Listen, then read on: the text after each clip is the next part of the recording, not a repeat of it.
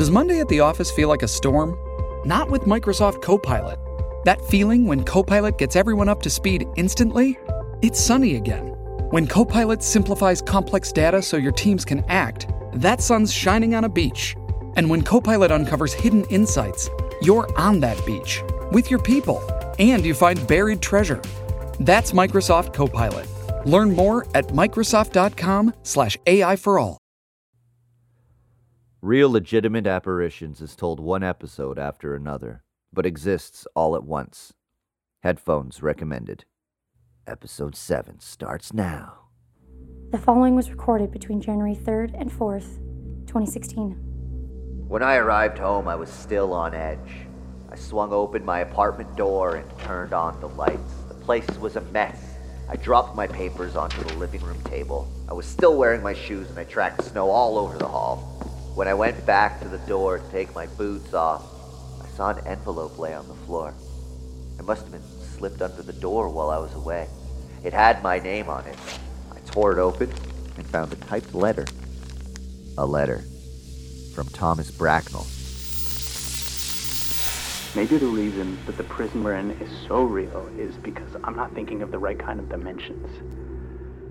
Maybe in each moment there is a prism of different events, and depending on our intensity of consciousness, we are shown or inhabit another division of time in the way a prism divides white light. But A, that doesn't take into consideration at all the dimension of time, and B, it doesn't work in the spatial dimensions either on account of the reality of absolute space. So, no, there must be an actual jump. So then why the trap?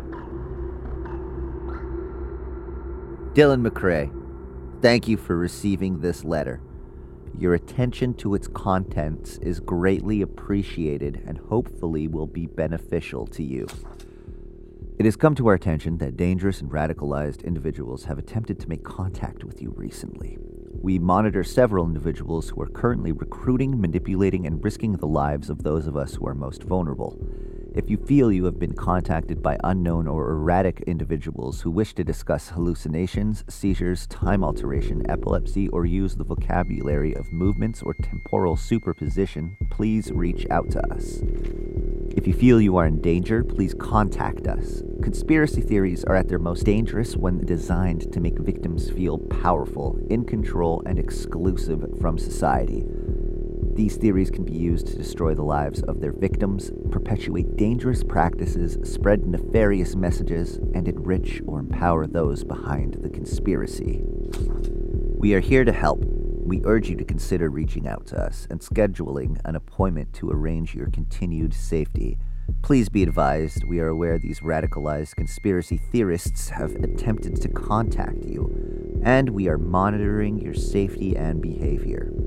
Should you participate in radicalized activities, including committing crimes or spreading conspiracy theories, expect to receive further notices or interception from us. The safety of you and those around you are of our utmost priority. Yours sincerely, Thomas Bracknell. At the bottom of the letter was a handwritten message added in red ink. You're on a really dangerous path, Dylan. I could take care of you if you turn yourself in. They'll hunt you down if you don't. Your choice. When we work together, there is immense potential. Imagine for a moment three people who can perform movements. One lives earlier, say with a lifeline from 1950 to 2020. Uh, one lives in the middle with a lifeline from 1990 to 2060, and one lives later from 2040 to 2110. In 1980, the older one could have a movement to 2010 to speak to the middle one who is in a movement to 2060 and speaking to the younger one who is in a movement to 2100. In this way, a message can be passed down from over 100 years in the future, instantaneously. I listened to all of Dad's recordings all night long, without, like, a break. I sat in the darkness of my apartment with Tom's letter unfolded on the coffee table, the little voice recorder beside me turned to max volume and the small speaker vibrating away. My dad's voice flowed through the apartment, clattering off the walls, filling every corner. I recognized it. It was like hearing a voice from a dream. Like, you know, when you have a memory, but it was so long ago and you were such a different person when it happened that it's as if it's someone else's memory or like a story in some book. His voice was comforting. If it wasn't the voice of someone I had known or thought I had known, then I might not have listened to it. It was a lot to take in. There was one word that my dad kept mentioning freedom. And I wasn't totally sure what he meant by that. He was talking as if he was trapped, as if he was in a cage, bound. So then why the trap? Each SD card had a number on it. I started at one and was making my way up the line. With each new card, I slipped in the little slot I hoped to hear some info on what was like keeping him from his freedom. What I did get was movements. They were pretty hard to wrap your mind around, but once you did and you got over the weirdness of it all, it seemed kinda really neat. But I couldn't shake the feeling that had I heard these tapes before meeting Neff, I could have saved their life. Also, movements to the future seemed really tricky because you don't really know where in space you're going to be. But at the same time, almost every movement I had had up to this point was to the future, or I assumed it was because I had no memory of doing what I did in those movements before. In fact, I was pretty sure that the only movement I have ever had to the past was in the lighthouse, when my dad slipped that little note under the floorboard in 1994. But even though I'd only done it once so far, moving to the past seemed easier. I knew where I had been in my past. If you could travel to any past time that you'd already experienced, where would you go? It's not something that I'd ever thought of before. I hadn't made like a hierarchy or like a must see list.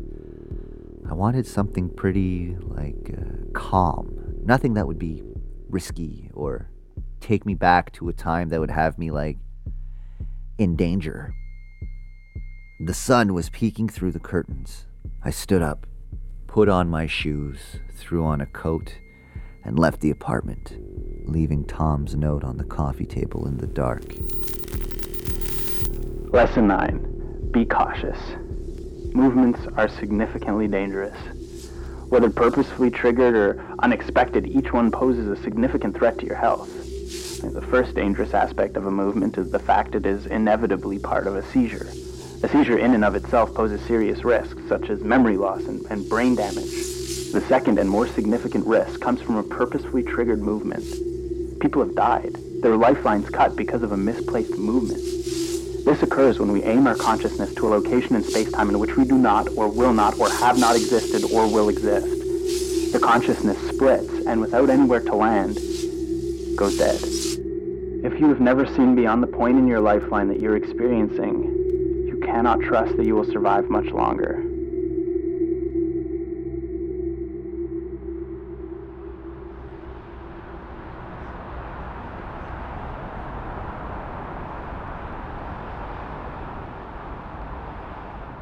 Madison and I lived on St. George Street in a Toronto neighborhood called the Annex. The street was lined with a mixture of privately owned expensive houses, University of Toronto residences, halfway homes, retirement homes, and apartment buildings. A pretty good, like, eclectic mix. Madison and I lived in a little apartment in one of these buildings. If you don't remember who Madison is, well, she's, uh, she's come up before. Has he spoken to Madison? All right, I have something else to say here. Madison is my ex partner. I guess ex fiance.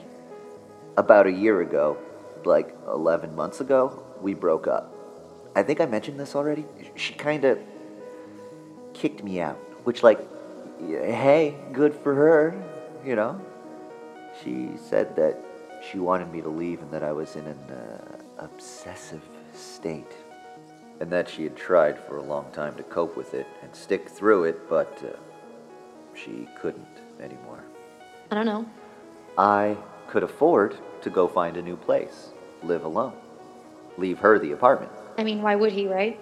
After I left, we talked on the phone a bit, then I came back to pick up my stuff. We haven't talked at all in eight months. So we lived together in a little apartment for several years. We got along there, made a life there, left each other there. I parked the car down the road from the apartment. I didn't want to actually see Madison in the present. That could be weird and maybe creepy. I wouldn't know what to say, and besides that, wasn't the point of this. In fact, to be honest, I didn't even know if she still lived there. I got out of the car and headed not in the direction of our apartment building, but towards a small park about half a block away. I passed a parent walking with their kid, who was all bundled up in a scarf and gloves, maybe headed to school. Passed an old man shuffling down the street on his morning walk. The last time I was here was when I came to pick up the last of my things.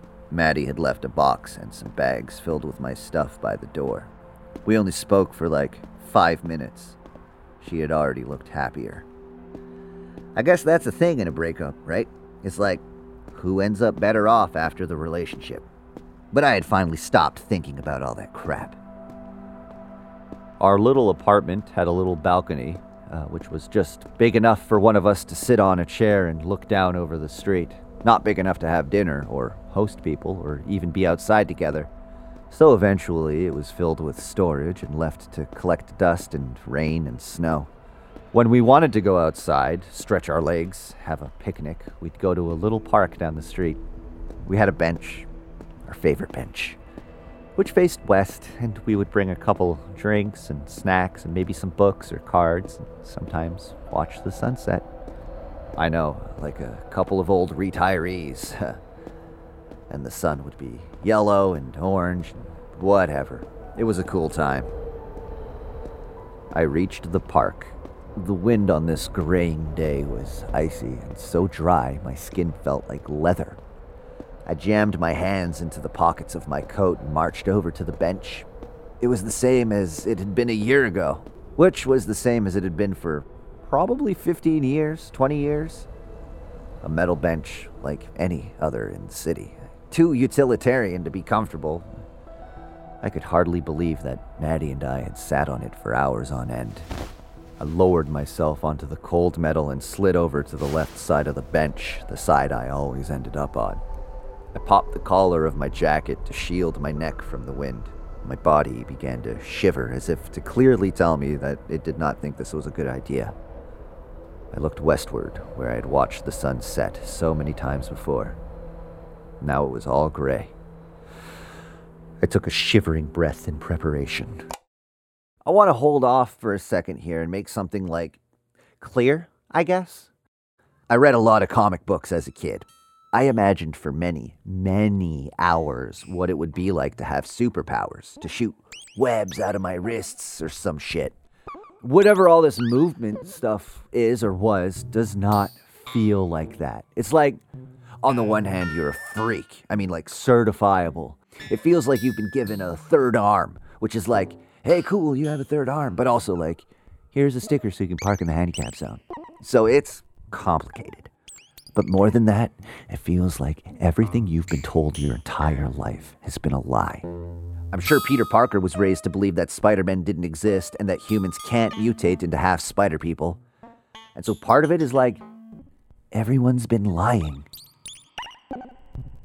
It feels like the whole world has tricked me my entire life. But on the upside, I have this really uncomfortable, weird trick that is somehow supposed to make up for it. I know exactly what it's like. It's like you're a teenager and you realize that the whole world sucks and everyone hates you, but at the same time, you've discovered that you can, like, pleasure yourself or whatever. And that's pretty cool and weird and doesn't often make up for the fact that the whole world sucks, but sometimes it can. Maybe that was like weird, but that is what it feels like. I took a shivering breath in preparation. I looked around the park. Someone was walking their dog, someone hunched over their phone. Everyone was cold, covering themselves from the wind. I whispered to myself. Cerberus, curator of Silenti, Sinophasmatis, Vinir contra mihi, Phasmatis radix quad, uh, causa vita, commodo adios suffratium mihi in meus nicotium. Gratias ago vos Cerberus, pro tabelle silentiet transio. Gratias agos vos phasmatis pro iunctio mihi in meus nisus. but I hadn't felt the creeping doom of the metallic smell or the heat. I opened my eyes, hoping I would see a world other than the cold gray one that lay before me, but that's all there was. The dog walker had made it to the other end of the park and was waiting while the Labrador or whatever smelled a low bush. I had to get deeper. I thought back to the only training in this crap I'd ever had. You gotta reframe your whole mind here, Dylan. But you have a long time to do that and less time here with me.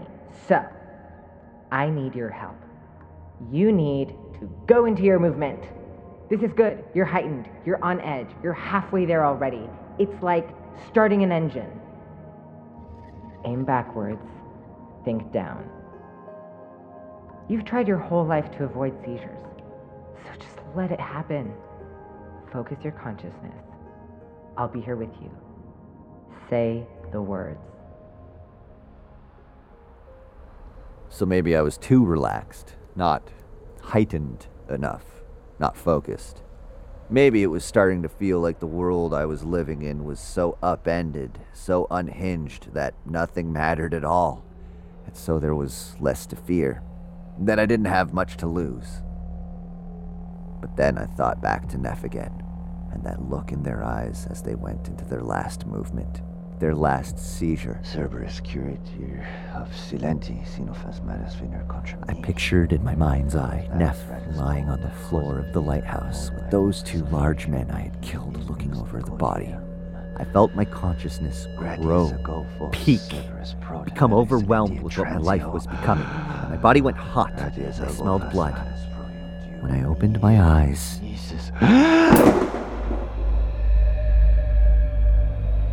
Maddie was sitting beside me, awash in golden sunlight.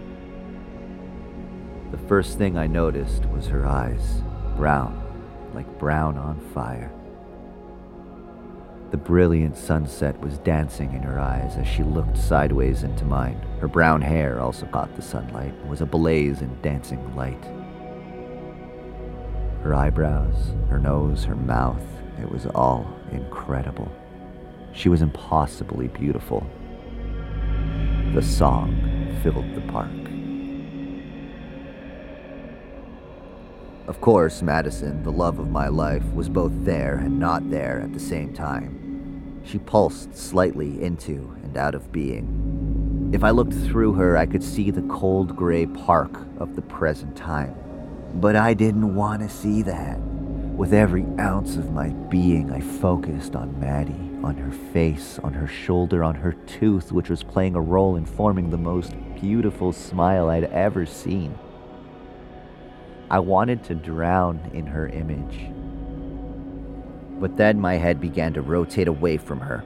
I had to watch in horror as my eyes tore themselves away from her and towards the park which lay before us. It was green and vibrant and full of life. Two kids were playing soccer, but they also weren't, and the field was cold and gray and frosted over. But no, I, I couldn't focus on that. The past was just as real, just as immediate as the present. The incredible, explosively colorful sunset that lay what felt like just at the other end of the park was sitting on top of the grayness of the present. This moment had been, was, is, filled with an unbelievable joy and beauty. I wanted to jump off of this bench and scream to the world that I was happy and grateful and kiss Madison on the lips and talk to her about all of my thoughts and dreams and all of her hopes and plans and live this moment as powerfully and presently as I could. But I couldn't. My legs wouldn't move.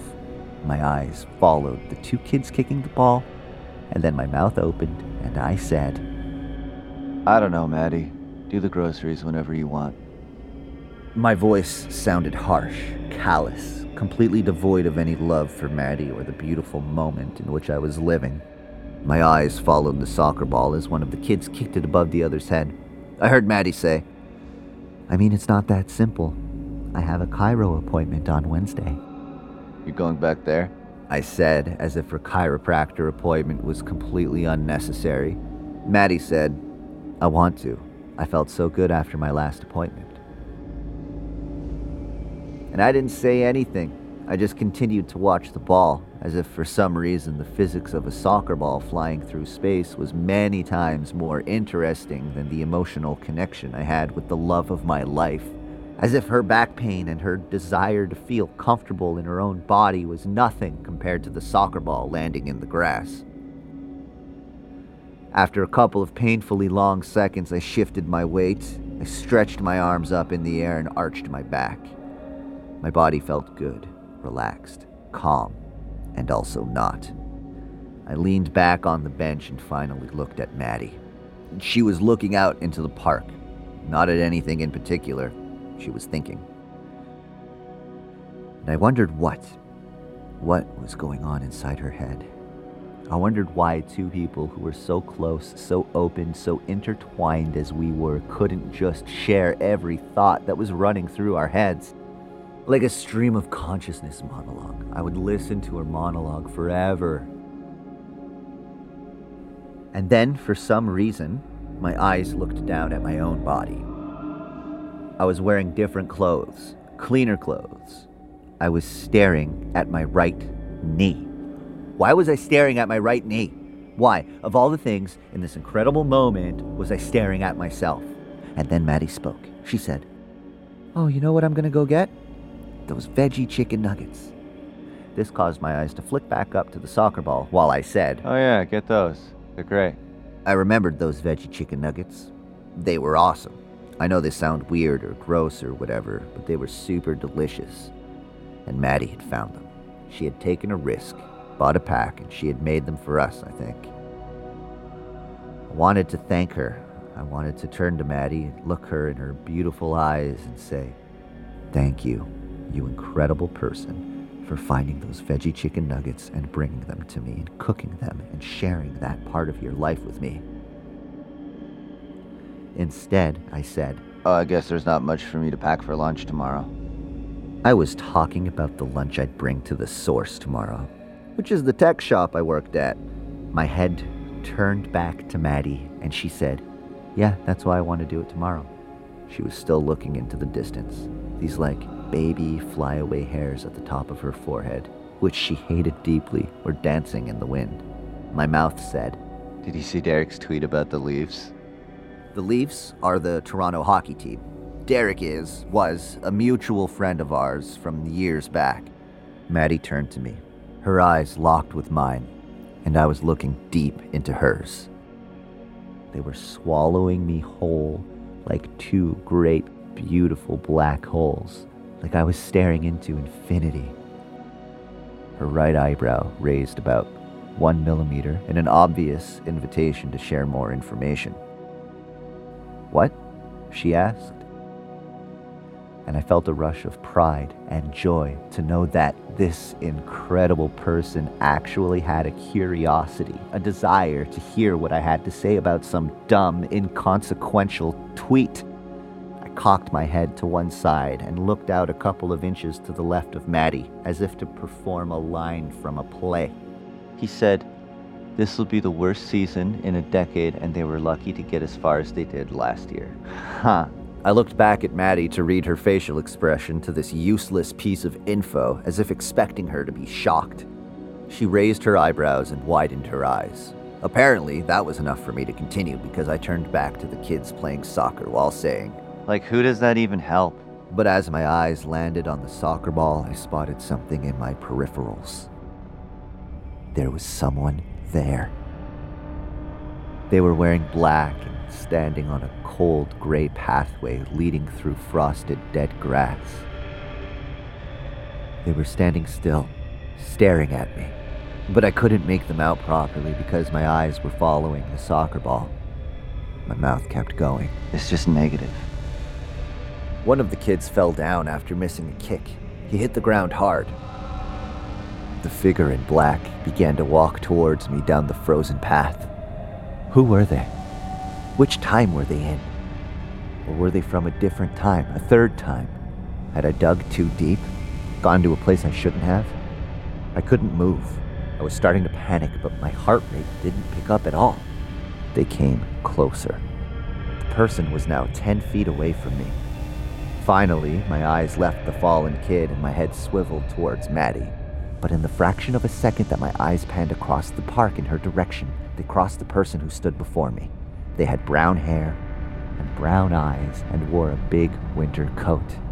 This was also Maddie, a cold Maddie, who in the gray winter light looked pale, with sunken features. My eyes fell onto the Maddie who was ablaze in sunset, and I said, Did he ever finish law school? Our eyes met again. The blazing sunset danced in her brown eyes, and she said simply, Yeah. But I heard another voice at the same time. Dylan? But I couldn't move. I was still connected with those golden brown eyes. You okay? The Madison I was staring at smiled at me again. The most brilliant smile I had ever seen on the most beautiful face I'd ever seen. I couldn't leave this moment. It was bliss. It was perfect. And best of all, it was real. This had happened, was happening, is happening, will happen, and I loved it. I smiled back at Madison and said, You're beautiful. and it was so strange because I had the sensation of the thought in my head transitioning to the muscles in my throat, and I recognized my voice saying what I was really thinking. And stranger than that was seeing the reaction on Maddie's face. Her smile grew more broad, and she said, I love you. Dylan? The voice of the cold, present time Madison was closer now. The Madison in the sun began to pulse stronger towards and away from being. The song was pounding in my head louder and louder. My body was beginning to feel torn to pieces. I love you too. Who are you talking to? Are you alright? Dylan!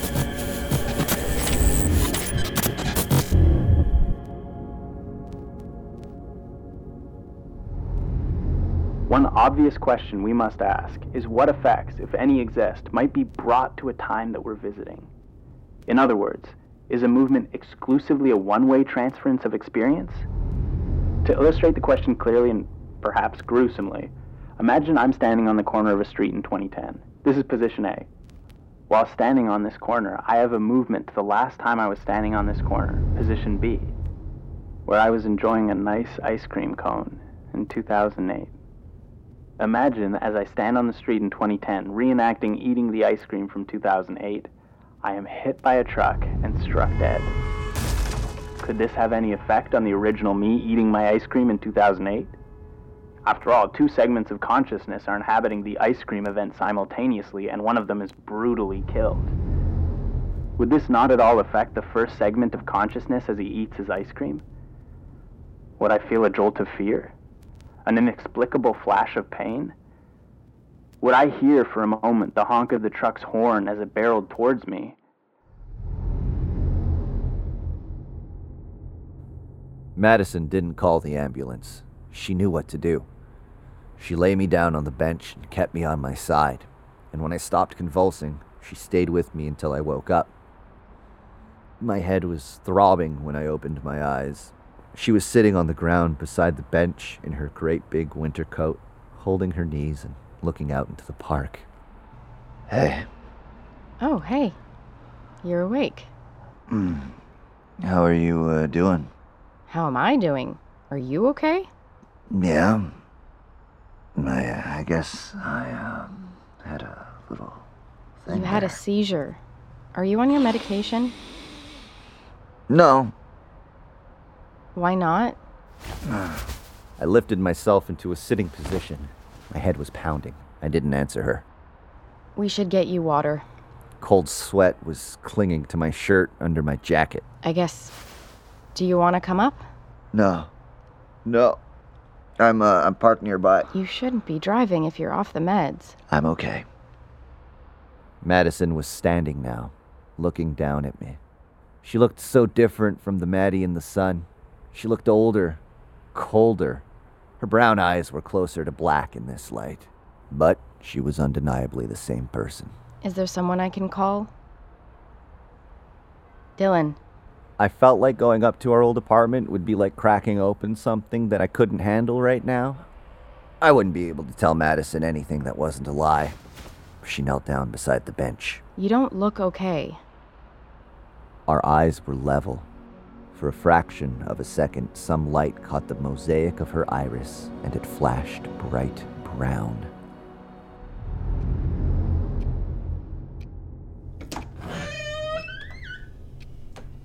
Have a seat. Sure. I shuffled to the couch and sat down. It was the same couch that I'd sat on for years with her, in the same living room. She went to the kitchen to get me a glass of water. The coffee table was the same. My body relaxed into the couch.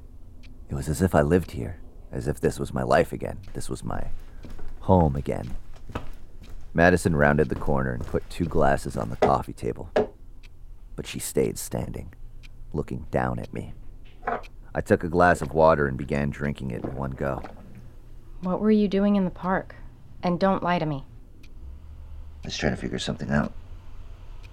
Are you following me? What? No. I didn't think you'd be there. So, How's your mom and your sister? This was such an out of nowhere question that I thought she was trying to trick me. they're fine. Why? Just wondering. I remembered that she used to call them Kathy and Rach. They're okay. How are you? I'm okay. Yeah, things are good. She wouldn't sit down on the chair beside her, let alone beside me on the couch. Nice. Are you still at the source? No. No. I figured. Could I get some more water? Madison pointed at the other glass on the table. Go ahead. So, what were you trying to figure out in the park? I put down the glass and we looked at each other. She was ready for whatever I had to say, and she knew it could be a lot. I had nothing to lose. I've been trying to figure out more about my dad and about my seizures. Madison cocked her head. She hadn't expected this. I had never talked much about my dad. Okay. I found some stuff of his uh, about how he had epilepsy too. Really? And I met someone who knew him. Neff's face flashed before my eyes, and I had to swallow down the memories with my second glass of water. That sounds good. How many seizures would you say I had when we were together? Oh man. In in total? Yeah.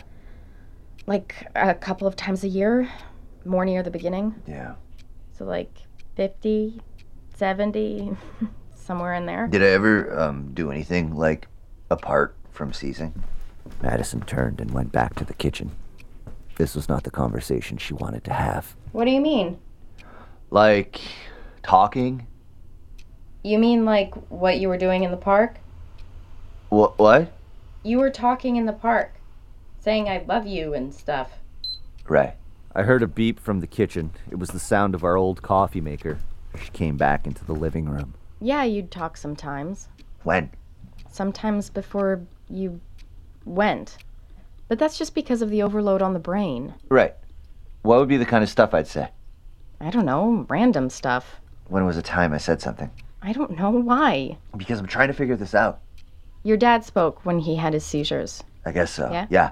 but it's just like a bit of nonsense, like you're asleep. What would I say? Once in the movie theater, you told me you hate me and you'd leave me. What? Yeah, and another time I was driving and you said, Never put your gun in your backpack, idiot. I did? Where? We were driving on St. Clair. I told you I hated you? Yeah, and it was really fucking rude. And it was just when we were starting to fight a lot. She'd been holding on to that for a while. Well, why didn't you tell me this? I did. But it also didn't matter. They were so quick, almost like a spasm, like Tourette's. I was always more worried about your seizure than the stuff that went on before. Like like I said, it's like talking in your sleep Where did I tell you I hated you? in the movie theater on Richmond. But I got over it. So what were you doing in the park? Should I be worried No. About what? About finding you other places I happen to be? No. It's a bit weird. So I told you in the movie theater that I hated you? Yeah. I remembered that seizure. We'd been watching Captain America Civil War at the Scotiabank Theater in downtown Toronto. We'd been in the back of the theater, luckily, so no one noticed. I remember waking up and feeling the familiar pain and lethargy lying across three rows of seats. That had been the last movie I'd seen in a theater. What exactly did I say? You said exactly, I hate you, Madison, and I'm going to leave you. It was a painful memory, and the hurt it had caused her had risen to her face. But she was defiant. But is that really what you want to talk about right now? I thought hard back to that time and the moment before, and whether or not I remembered a split second of saying something, seeing something. No. Why don't you ask me something about my life? Sorry. Yeah, um. I met her eyes again. She was so present. I tried to imagine I was looking at her in the past. But it was more complicated now. My thoughts and actions had consequences. I was in control, and that made it so much harder. I'd taken too long to answer. I'm seeing someone. It's not the same, but it's great. I didn't know what to say. If the woman in the sunset had told me this, I would have been heartbroken. I'm happy for you. What about you? How have you been since you left? She was challenging me.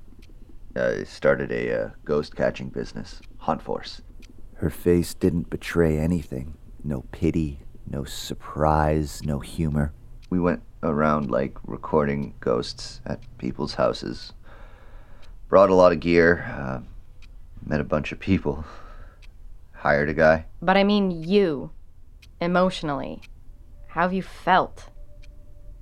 Obviously, the answer was fucking confused and shitty and scared, I guess. But then I'd have to tell her why, and I knew she wasn't interested in hearing about that. What she wanted me to say was sad, angry, full of regret. Oh, it's been hard, but uh, I'm okay. What? Why did you call me the other day? I felt something threatening to break inside of me. I remembered that feeling of sitting in the dark in my apartment and calling her number because I missed her so much. And I'd spent the day with a guy whose wife had died and Madison was still alive, and all that I had to do to talk to her was dial her phone number. Except since then, I had met Neff and murdered and seen my dad again and gone to his shed, and I knew that if this dam were to break, it would all flood out onto the floor in a mess, and it would be too much to clean up and too much for Madison to handle. And I didn't want to pile all of my bullshit life onto her, and all I wanted to do was escape back to a time where none of this was real, and Madison and I were still together and still happy and simple and easy. I wanted to say, because I missed you. But if my mouth said that, my eyes would go and the mess would just flow out like a burst dam, and I couldn't let that happen. She was looking at me, waiting for it, expecting it, hoping for it. It it was an accident of dumb uh, pocket dial. Oh, cool. Our coffee machine beeped and then she disappeared into the kitchen. I looked down at my knees. She reemerged with a steaming mug in her hand. I noticed she hadn't offered me any. There was a silence as she took a long sip. I looked around the apartment and realized that this wasn't our couch or our coffee table. The cabinet on the wall we had bought together in 2014 isn't ours anymore. And beside the cabinet was a scuff on the white paint that I think I'd made years ago when moving in here for the first time over a decade ago. It was all hers. Everything. That scuff was on the wall of her apartment and had been made by her ex boyfriend who used to live there. But he didn't anymore. I should get going. Sure. You're okay? Yeah, You can't drive. I'll be okay. If you're not on your meds. Yeah, I'll subway and then get someone to pick the car up. Okay. I'll see you, um, Around? sure, yeah, um, yeah, Okay. Yeah. Get home safe. yeah, okay. Bye, Dylan. Thanks for the water. No problem. Okay, bye. Bye. Yeah, bye.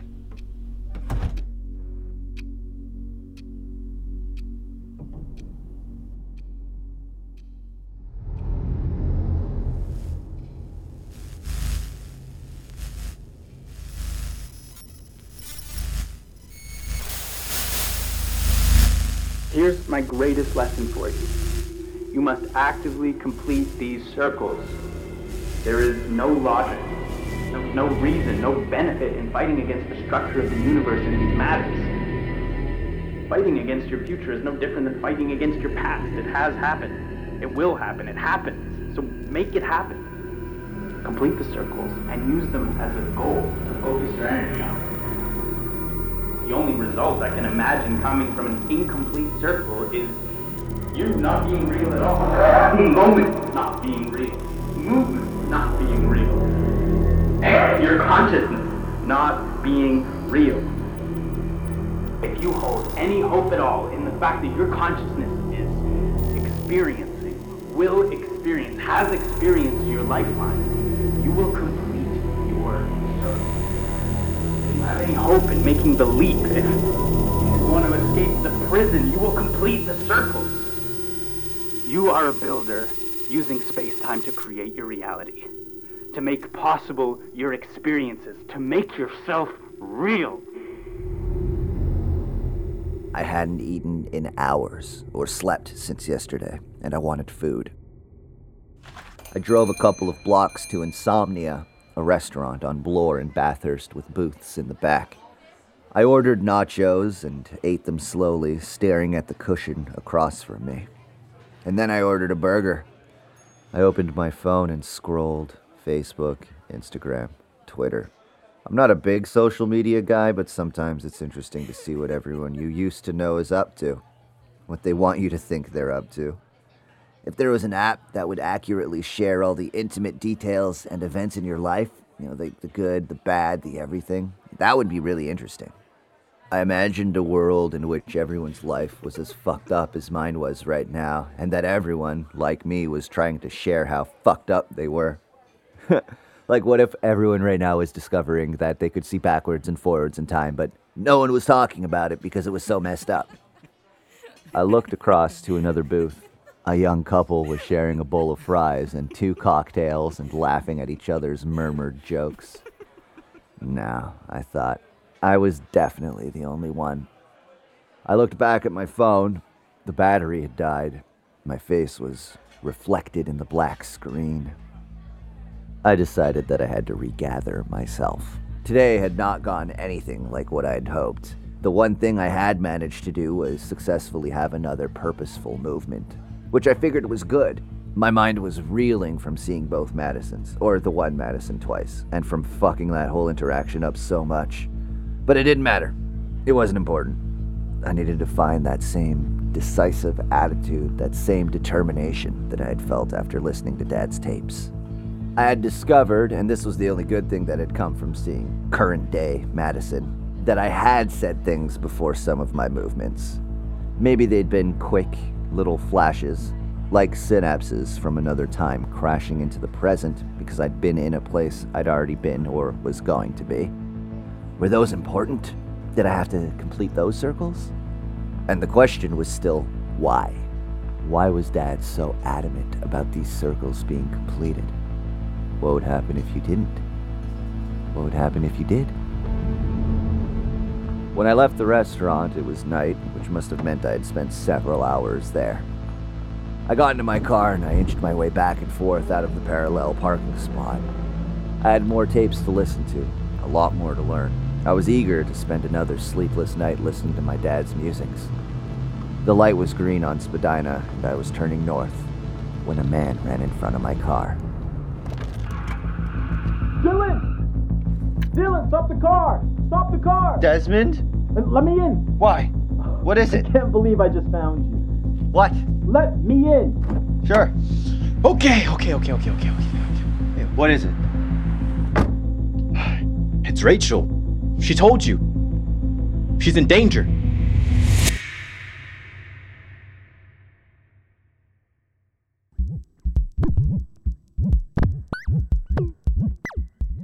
You can follow this story on Instagram and Twitter with at RLA Series. Please consider visiting patreon.com slash RLA Series to support the show and reviewing it on your favorite podcast app. Thank you for listening.